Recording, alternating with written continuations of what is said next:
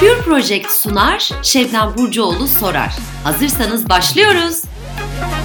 Sevgili İrem Polat, hoş geldin. İrem çok çok başarılı bir e, klinik psikolog. Hem çocuklarla hem ergenlerle hem yetişkinlerle çalışıyor ve harika çözümler üretiyor. Hem yakından hem uzaktan izlediğim kadarıyla. E, bugün İrem'le biz şu soruyu aydınlatmak istiyoruz. Acaba çocuklarımızı bir cam fanusta mı yetiştiriyoruz? Hazır İrem'in de benim de 3 e, yaş bandında iki tane oğlumuz varken e, İremciğim ben sana ilk olarak şunu sormak istiyorum. Şimdi geçen gün bir grup anneyle beraberdik ve anneler e, aramızda ikiye bölündü. Söz konusu masallar olduğu zaman bir grup anne masallardaki Hansel Gretel'deki kötü cadının işte e, çocuklara yaptığını ya da işte Cinderella'nın kötü üvey kız kardeşlerinin e, olmadığını e, ya da işte dandini dandini dastana o bostancının o danayı kovmadığını, kimsenin otları yemediğini falan böyle yansıtan e, bir dünya sunmak istiyor çocuklarına. Bir grup anne de her şey olduğu gibi nasıl bizim işte çocukluğumuzda hepsini gördüysek, yaşadıysak, dinlediysek bu şekilde yansıtmak istiyor. İlk olarak sana bunu sormak istiyorum. Masallardan birazcık başlamak istiyorum. Çünkü senin de harika masal çözümlemelerin var aslında. E, kendi sosyal medyanda da paylaştın. Sen bu konuda neler düşünüyorsun? Hı hı. Güzel bir soru. Ben bir süredir bayağı kafa yoruyorum bu masallar üstünde. Dediğin şey çok doğru. Böyle bir ikiye bölünülmüş bir durum var. E, masallar veya hikayelerin, e, ninnilerin, şarkıların içerisindeki bu zorlayıcı temalar çocukları travmatize eder mi etmez mi diye. Bunu böyle mutlak bir yanıt vermem çok mümkün değil. Neden biliyor musun? Ee, bir şey bir çocuğu travmatize eder veya etmez diyebilmem için meseleye çok olay bazında bakmamak lazım. Bunun içerisinde çocuğun mizaç yapısı var. Gelişim, hangi gelişim döneminde olduğu çok önemli.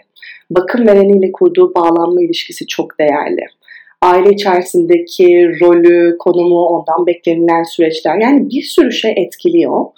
Dolayısıyla birazcık çocuğa göre bakmak lazım. Fakat anlattığın hikayelerin içerisinde benim çok böyle e, araştırdığım şeylerden bahsettin. Hansel ve Gretel, Kül Kedisi, Kırmızı Başlıklı Kız. Bunlar her birimizin çocukluğunda bir şekilde dinlediğimiz masallar. E, hatta bizden büyük, bizden önceki jenerasyonların büyük, büyük bir ihtimalle büyüdüğü masallar. Ve hakikaten içerilerinde çok böyle e, çiğ içerikler de yok değil. Var, çok zorlayıcı. Sen kendi çocuğuna okur muydun dersen ben masalların birazcık evrim geçirmesi gerektiğini düşünüyorum. Doğadaki her şey gibi.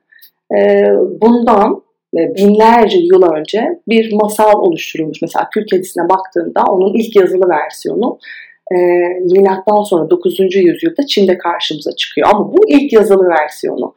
Bu ne demek? Bundan belki yüzlerce, binlerce yıl önce bu zaten anlatılan bir masaldı. Hep kültürden kültüre form değiştirdi. Bir yerde anlatıldığı kısmı başka bir yerde bambaşka bir versiyona evrildi. Dolayısıyla bugüne kadar erişilen masallar böyle evrimleşe evrimleşe gitti. Şimdi de işte Grimm masalları versiyonunu biliyoruz pek çoğumuz. Hala içerisinde çok çiğ taraflar var. Ben masalların içerisinde bazı zorlayıcı parçaların olması gerektiğini düşünüyorum. Mesela e, işte kötü bir karakter olması. Kötü karakterden kastım da şu.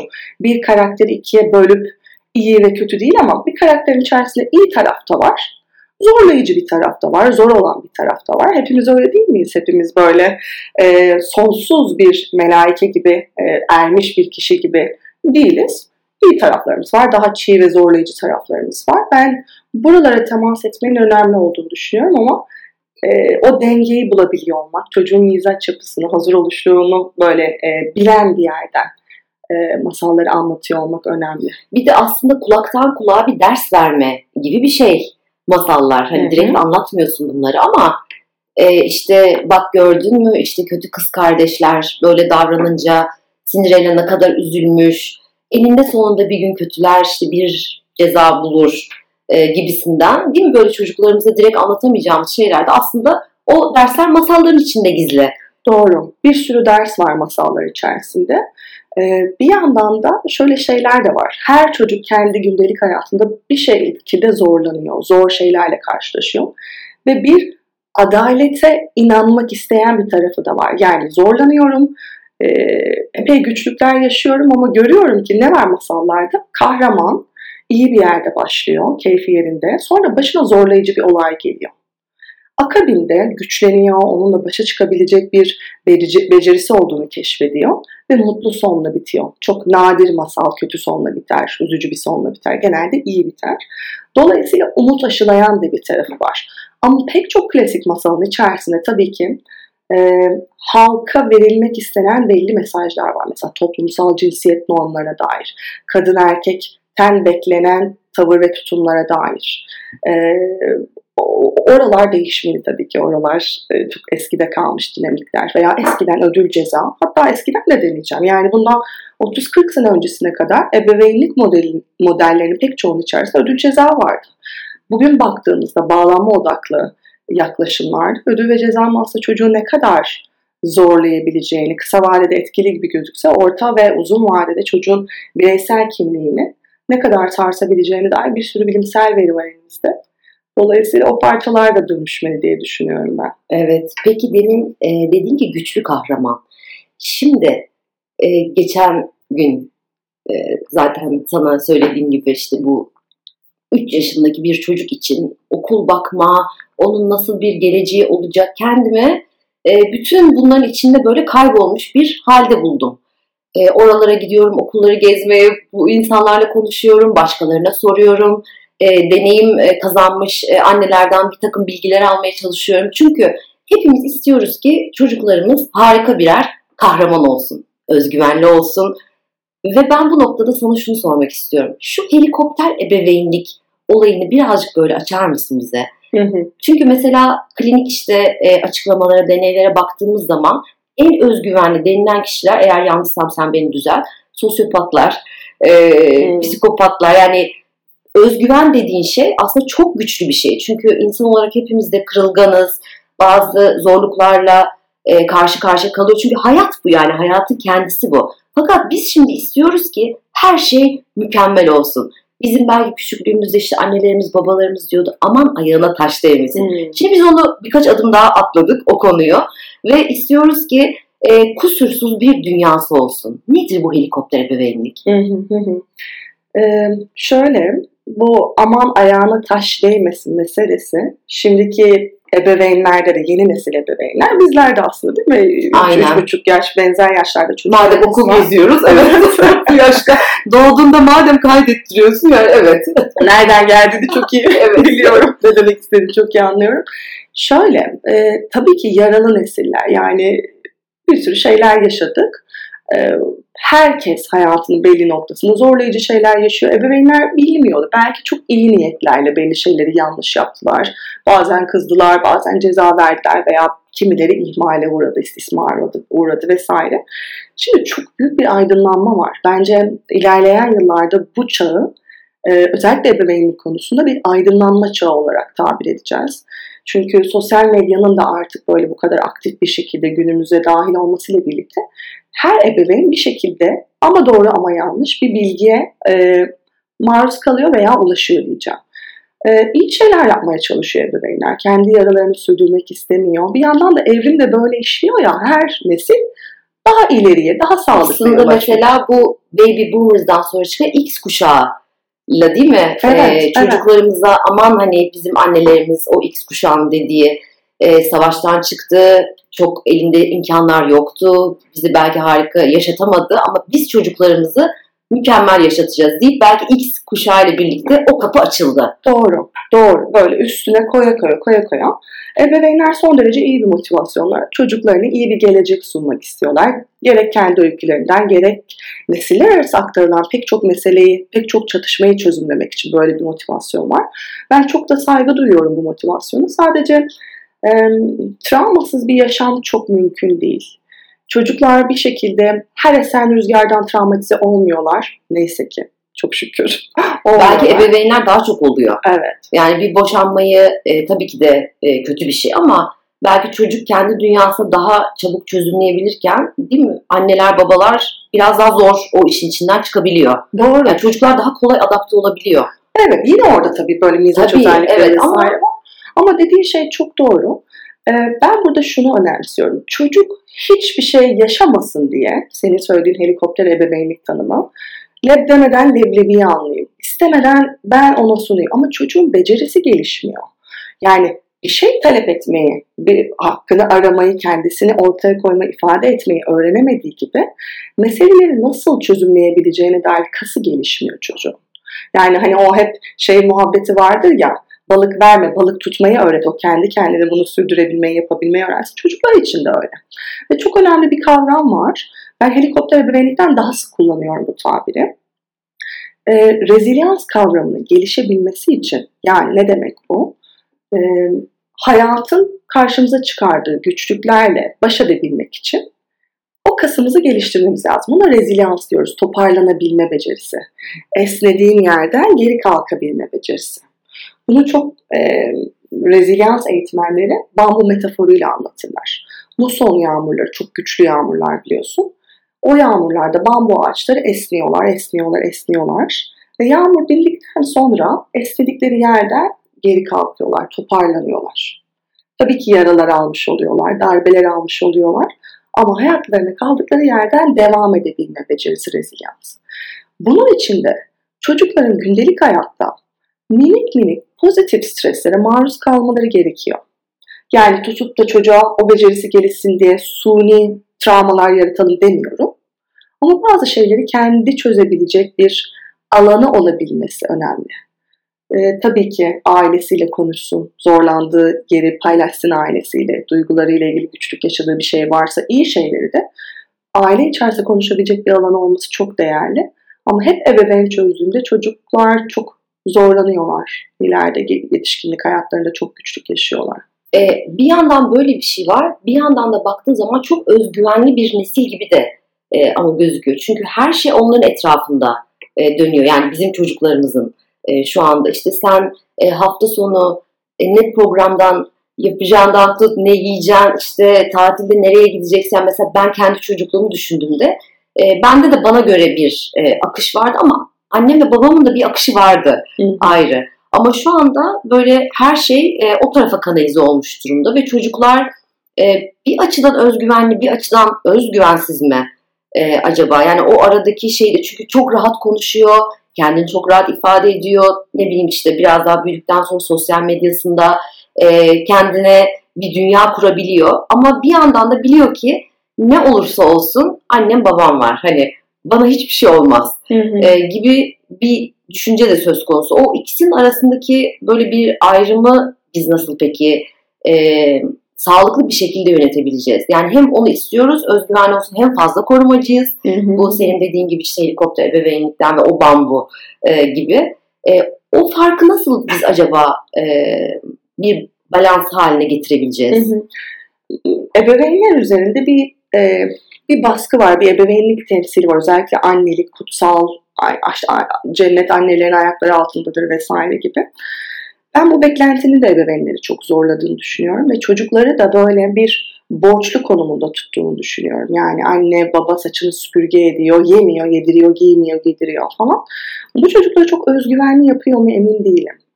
Ben e, bunu böyle psikoloji der ki gibi bir yerden söylemiyorum. İrem olarak söylüyorum. Yani tamamen 13 yıldır çok e, fazla vaka gören bir, bir terapist olarak söyleyeceğim bunu.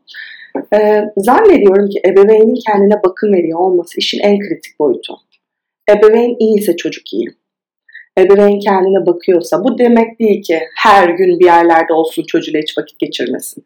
Ama e, işte nefes alıyor, çayını kahvesini sıcak içebiliyor. Anne baba kimliğinin dışında diğer şapkaları da takabiliyorsam çocuk orada işte bir sürü şey öğreniyor. Annemin hayatını, babamın hayatının merkezindeki tek kişi ben değilim. Onun da bir hayatı var. Ve şeyi çok değerli buluyorum Şebnem. Çocuklar söylenilenden çok gördüklerini içselleştiriyorlar ya. Annenin babanın kendi arkadaş ortamında eğlendiğini görmek, e, keyif aldığını görmek, annenin babanın sporla uğraştığını, kendi hobilerine, sanata ilgi ayırdığını görmek bir çocuğu zaten çok besliyor. Ve bunu böyle ebeveynim bana yatır, yatırım yaptı. Ben de onlara bir karşılık vereyim gibi bir yerden değil de zaten çocuk öyle gördüğü, öyle büyüdüğü için kendini daha rahat ifade eder bir konumda oluyor. Tabii burada özgüvenli iyi açmak lazım. Senin anlattığın özgüven evet e, bir yandan özgüveni güzel anlattın. Ama daha extrovert bir yerden, daha dışa dönük bir özgüven anlatma. Oysa introvertlerde yani daha içe dönük mizaç yapıları da son derece özgüvenli olabiliyor. Daha kendi halinde yaşayan ki sen de aslında böyle üreten, yazan, çizen o anladığım kadarıyla yaratma kısmı da çok böyle yalnız da bir yer değil mi? Çok tek başına bir iş. Evet, evet. Dolayısıyla e, çok farklı farklı formları var özgüveni. E, ama zannediyorum ki ebeveynin iyi olma hali bence çocuğa en temel miraslardan biri. Peki bu mesela anne babaların üzerinde de çok baskı var dedin. Sosyal medyanın rolü bunda çok büyük mü sence? Çünkü orada baktığımız zaman çizilen harika bir tablo var. Ben Aşk Satar isimli kitabımda bundan böyle bir e, esprili bir şekilde bahsetmiştim. İşte ilk çocuğu yıkama seansı. Bebeğinizi ilk defa yıkıyorsunuz. Videolar seyrediyorum işte köpüklerle oynaşıyorlar. O bebek kaka kaka gülüyor. Çok eğlenceli bir şey. Anne baba mutlu her Bizim hiç öyle olmadı. Dedik herhalde suyu sevmiyor ya da biz mi sevmiyoruz acaba suyu bulamadık yani onun sebebini. Ee, ve orada böyle o çizilen dünyaya da bir tık uymak da istiyoruz değil mi biz? Tabii o ne kadar gerçek onu bilemiyoruz ama e, bu da böyle insanı bayağı zora sokan bir şey diye düşünüyorum. Sen ne diyorsun? Çok haklısın. Yani e, sosyal medyayı ben önemsiyorum. Oradaki paylaşımı önemsiyorum. Eskiden köyler vardı, köylerimiz vardı. Herkes birbirinin çocuk yetiştirme stillerini görürdü. Çocuk nasıl yıkanır, nasıl beslenir vesaire görürdün. Şimdi hele pandemiyle birlikte köylerimizden uzaktayız. E, dolayısıyla görmemiz lazım, paylaşmamız lazım. Hele ki arkadaşlarımızla o sosyal angajmanın çok limitlendiği bir dönemde. E, iyice önemser oldum sosyal medyayı ama bir yandan da sosyal medyanın e, mutlak bir gerçeklik barındırmadığını, yüzde yüz bir e, resmi temsil etmediğini de bilmek lazım. E, çoğu insan, hepimizin bildiği gibi genelde daha keyifli olan kısımları koyuyor. E, o yüzden böyle hep hatırlatmak lazım yani. Ve kendini başkasıyla kıyaslayan bir yerden değil de ben neredeyim, ne durumdayım.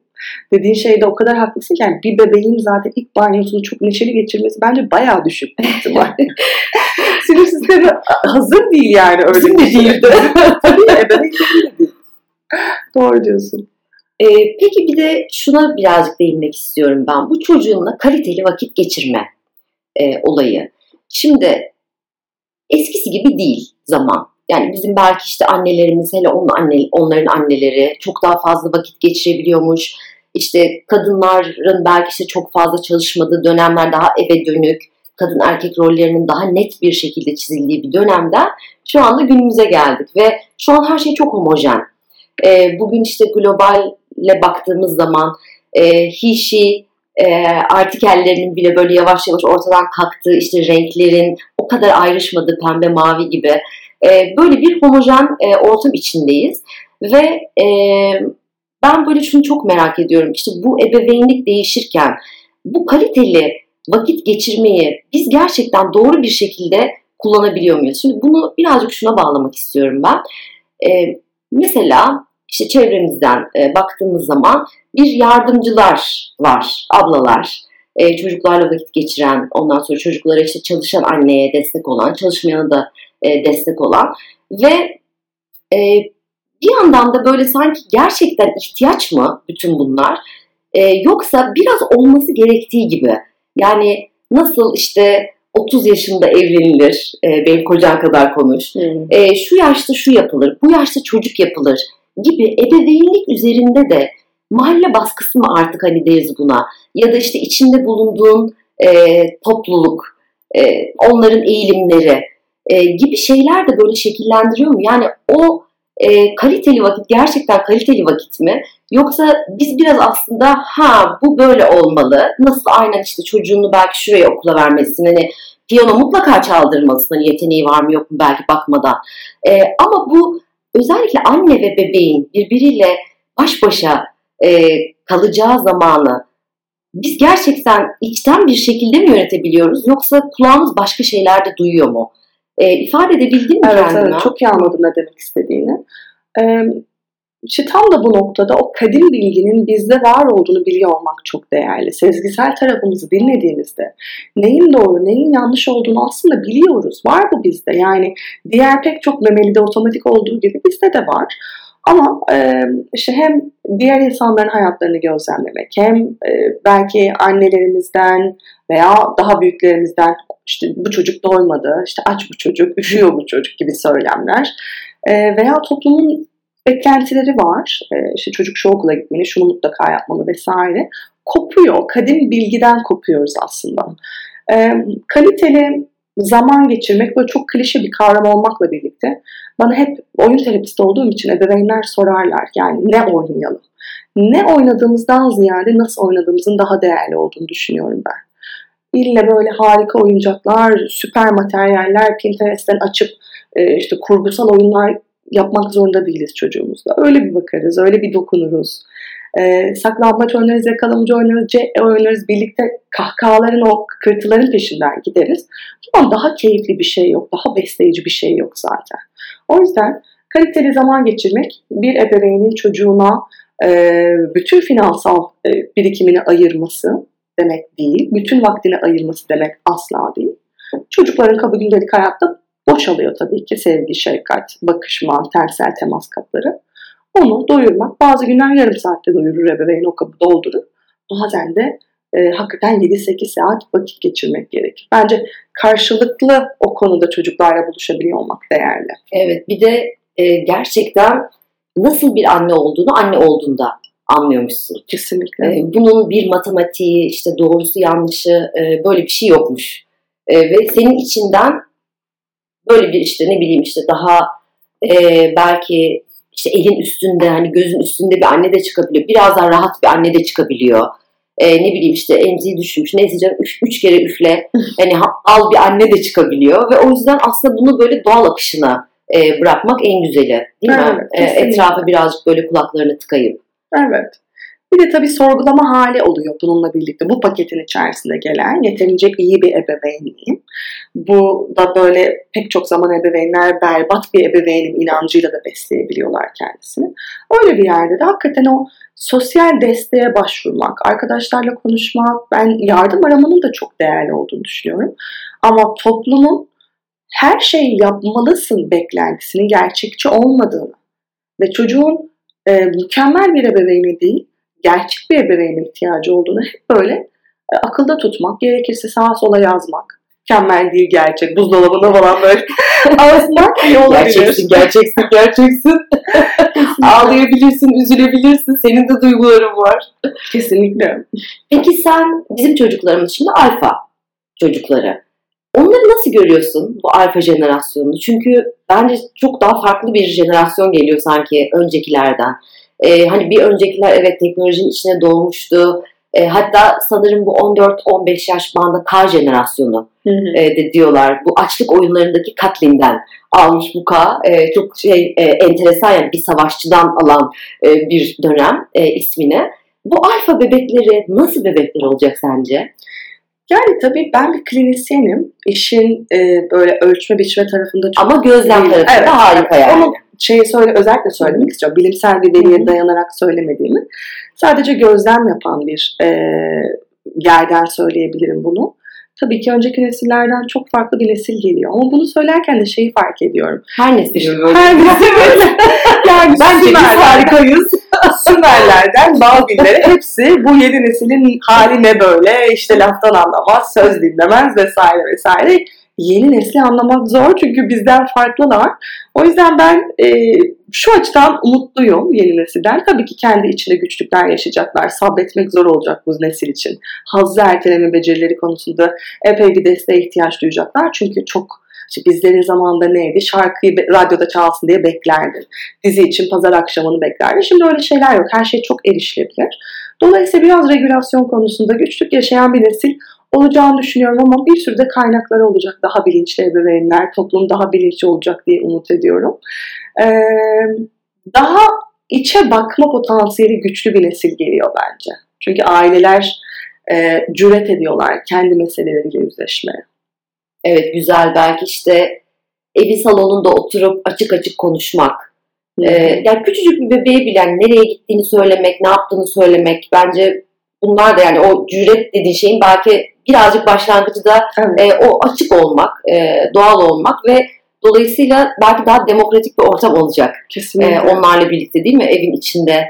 Ee, onların da akıl verdi, fikir verdi çok ciddi anlamda bence. Çünkü ben mesela hep şey diye düşünüyorum. Ee, iyi ki küçük bir çocuğum var. Yoksa benim teknolojiyi falan takip etmem imkansız diye. Çünkü bir yerde koparsın. Mümkün değil. Ama şimdi en azından onların sayesinde e, öyle bir hızla değişen dünyanın içine gireceğiz ki o beni çok heyecanlandırıyor. Ve ben kesinlikle işte bir önceki nesil daha şöyleydi böyle o eleştiriler eleştirel e, tarafta değilim. Çünkü gerçekten her nesil kendi travmalarıyla, güzellikleriyle, e, bütün o motiflerle e, yeşeren e, bir nesil. Ve bakalım şimdi bizim e, alfa çocuklarımız, bizim minnoşlar e, nelerle karşılaşacak, nasıl bir dünya ile karşılaşacak heyecanla bekliyorum. Ben de. İremciğim sana çok teşekkür ediyorum bu keyifli sohbet için. Ben teşekkür ederim nazik davetin için. Çok teşekkürler. En kısa zamanda görüşmek üzere diyorum.